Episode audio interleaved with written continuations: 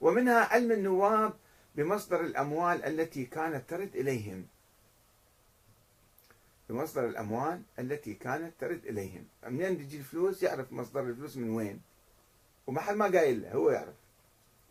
ومنها أخبار محمد بن زياد الصيمري بوفاته وموته في الوقت المحدد. وبعد قصص كثيرة في الحقيقة. مثلا قصة ينقلها أنه أجوا ناس شكوا بهذا النوبختي. قالوا له أنت شنو قاعد تأخذ الفلوس؟ توديهن تقول لي الامام مهدي. إحنا ما نعرف أصلا ما شايفين الامام مهدي هذا. وأنت من يقول وتنزلهم جيبك وتوزعنا على اقاربك والله أعلم وين توديهن.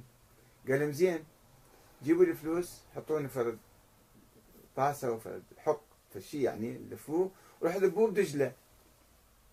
راحوا ذبوه بدجلة اجوا ايمه شافوا الفلوس مالتهم قدامهم موجودة. وقدامهم معجزة. طلع الفلوس من الماء من النهر. يعني إيه هكذا. يجيب لنا القصص وقصص كثيرة أخرى أنا ما ذكرتها الآن. بس كلها من هالقبيل هاي. أن يعرف فلوس من وين جاية ومن طاهم وكذا ورسالة بيضة يقراها. وهاي القصص هذه واحد من يقراها ويصدق بيهن. علمائنا اليوم مراجعنا العظام يقول لك لا هذول مقدسين لا تنتقدهم لا تحكي عليهم.